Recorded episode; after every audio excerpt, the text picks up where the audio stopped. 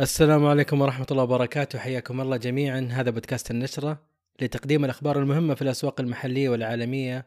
أقدمها نياد السليمان. حياكم.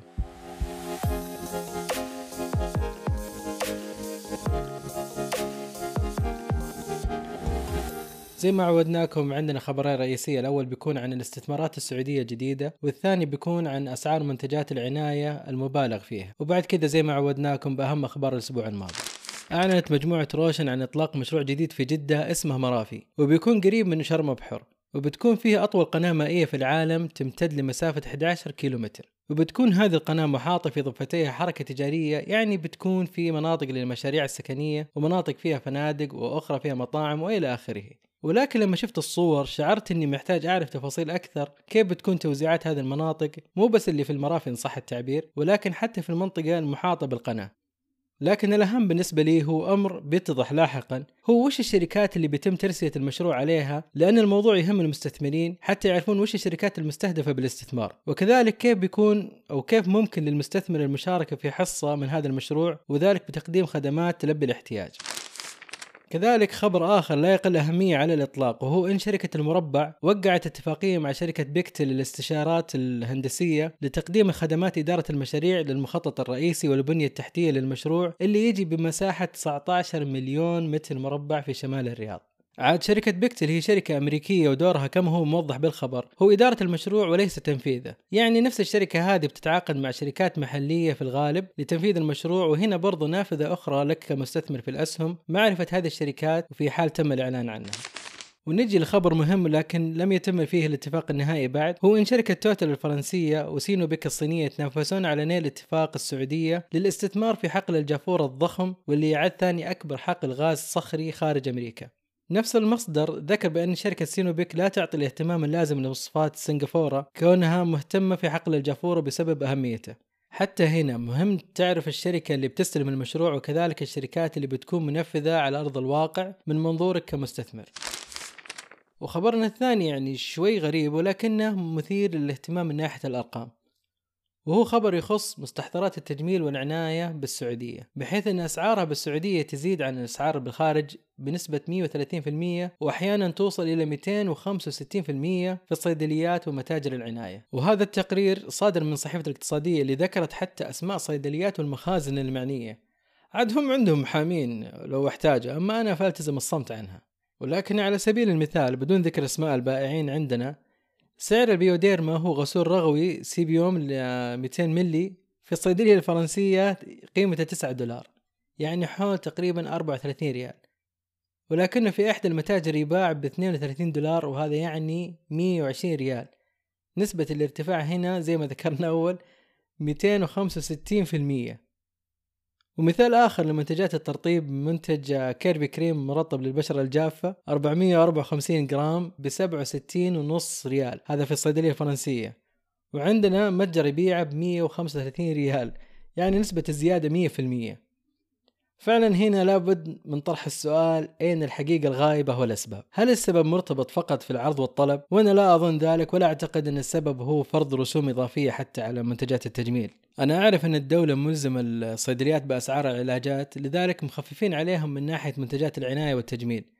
بس النسب عالية جدا وغير منطقية.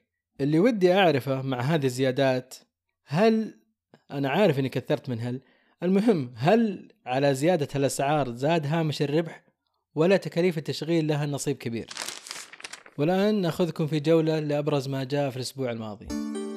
رسميا مجموعة اس تي سي تعلن عن استحواذ شركتها التابعة توال على أبراج اتصالات على ثلاث شركات أبراج من يونايتد جروب في كل من بلغاريا وكرواتيا وسلوفينيا مقابل 1.22 مليار يورو ما يعادل 5 مليارات ريال لتشكل هذه الصفقة خطوة مهمة نحو التوسع على المستوى العالمي. وبعد إتمام هذا الاستحواذ ارتفعت محفظة الأبراج التي تمتلكها وتديرها توال إلى أكثر من 21 ألف برج في خمس دول وهو ما يعد إضافة نوعية للمنظومة الرقمية المتكاملة لشركة اس تي سي أعلنت شركة المباني الكويتية يوم الأحد الماضي عن ترسية مناقصة الأعمال الإنشائية للمرحلة الأولى من مشروع المجمع التجاري الأفنيوز الخبر على تحالف سعودي كويتي بقيمة إجمالية 3.66 مليار ريال. وقالت أن المشروع الخاص بشركة شمول القابضة وشركاتها التابعة المملوكة للمباني بنسبة 60% سيستغرق تنفيذه 36 شهر. وأن التحالف الفائز بمناقصة المقاول الرئيسي للأعمال الإنشائية يضم شركتي الأحمدية للمقاولات الكويتية والكفاح للمقاولات السعودية. المشروع يتكلم يتكون من المركز التجاري وبرجين متعددة الاستخدامات يقع في المنطقة الشرقية من المملكة على مساحة 197673 متر مربع يتخللها مساحة تأجيرية تزيد عن 168 ألف متر مربع.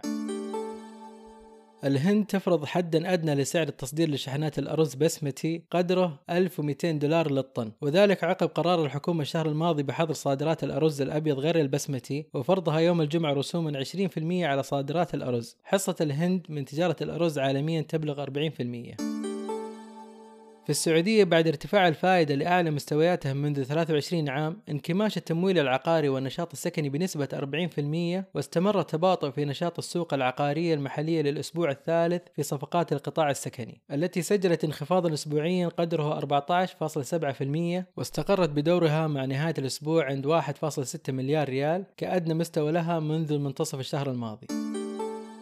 شهدت البورصة العقارية السعودية تنفيذ 362 صفقة خلال اليوم الأول من إطلاقها رسميا بقيمة 493 مليون ريال موزعة على 161 ألف متر مربع وبلغ أعلى سعر متر نحو 21200 ريال بينما كان أقل سعر 61 ريال. وبكذا يكون انتهينا من أبرز ما جاء في الأسبوع الماضي. اليوم إن شاء الله هو اليوم الأول للتداول في شهر سبتمبر. وأنا ما ودي أضيق صدوركم لكن هالشهر هو أسوأ شهر في الأسواق كمعدل يكون فيه تراجع أكثر من نصف المية وهذا الأمر له 79 سنة.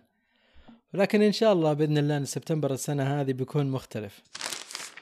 عاد انتبهوا بداية من أكتوبر اللي هو الشهر الجاي بيتم رصد مخالفات التأمين آليا. يعني لو ما أمنت فالأفضل إنك ما تحرك السيارة ولا بتجيك مخالفة عدم التأمين. المشكلة الآن إن تسعيرات التأمين مرتفعة جدا هالأيام وهي سبب عزوف كثيرين من التأمين. ولكن يبدو مع هذا القرار أن حنا بحاجة لإعادة النظر فيها. وفي نفس الوقت كمستثمرين في مجال التأمين يبدو أن الموضوع مغري بعض الشيء مع وجوب التريث والترقب. هذا ما كان لدينا اليوم لحلقة الأسبوع.